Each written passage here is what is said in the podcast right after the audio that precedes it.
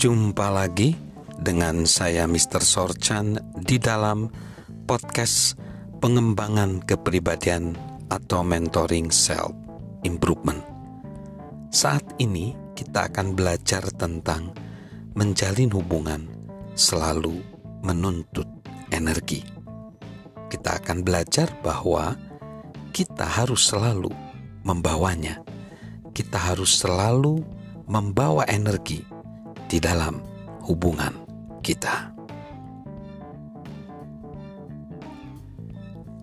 Saat John C. Maxwell menyelesaikan studi pada tingkat S1, dia mengambil mata kuliah pidato.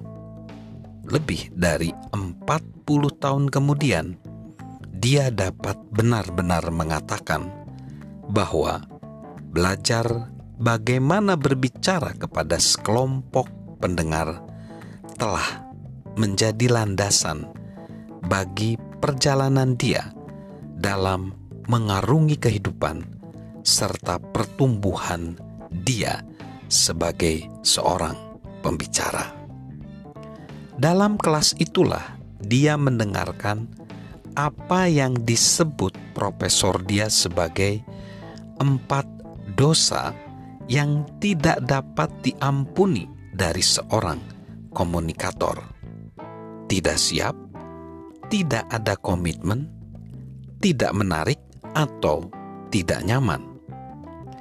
Apakah kita memperhatikan ciri umum dari tiga, dari tiga, dari empat tersebut?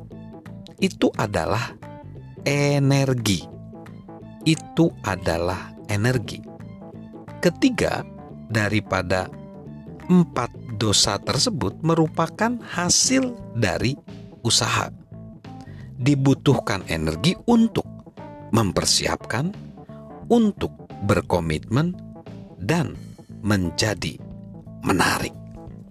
Itu benar, entah kita sedang berbicara dengan seseorang atau seribu orang menjalin hubungan selalu membutuhkan energi.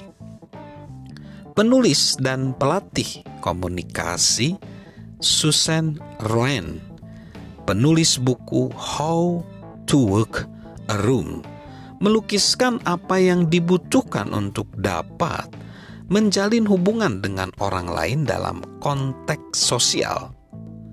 Di websitenya, ia menawarkan 10 tips dari para pakar pergaulan.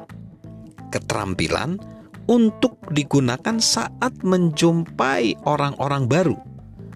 Sementara kita membaca daftar tersebut, pikirkanlah berapa banyak di antara daftar tersebut yang nampak membutuhkan energi.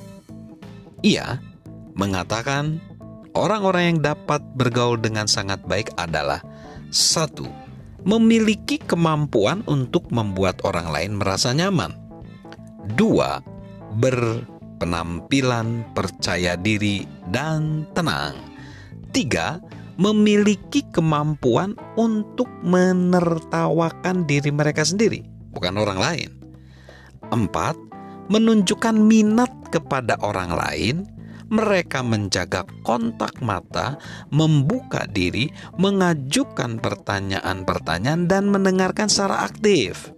5. Mendekatkan diri dengan orang lain. Mereka cenderung memberi salam dengan jabat tangan yang hangat dan tersenyum. 6. Menunjukkan adanya energi dan semangat, sukacita kehidupan. 7. Puas luas wawasan dan sopan. Delapan, mempersiapkan sebuah gambaran atau kisah-kisah nyata yang menarik, lucu, dan tepat. Sembilan, memperkenalkan satu kepada yang lain dengan suatu semangat yang menular. Tidak ada yang lain yang mendorong pembicaraan di antara orang-orang yang diperkenalkan. Sepuluh, menunjukkan hormat, dan menyukai orang dengan tulus. Inti dari komunikasi. menurut hitungan dari John, paling tidak tujuh dari sepuluh butir di atas menunjukkan menuntut energi. Jika sahabat Mr. Sorchan ingin menjalin hubungan dengan orang lain, tetapi berharap sahabat dapat melakukannya tanpa usaha, lupakan aja. Menjalin hubungan selalu menuntut energi. Salam untuk menjadi konektor. Salam sukses luar biasa. Salam sehat selalu dari saya, Mr. Sorchan.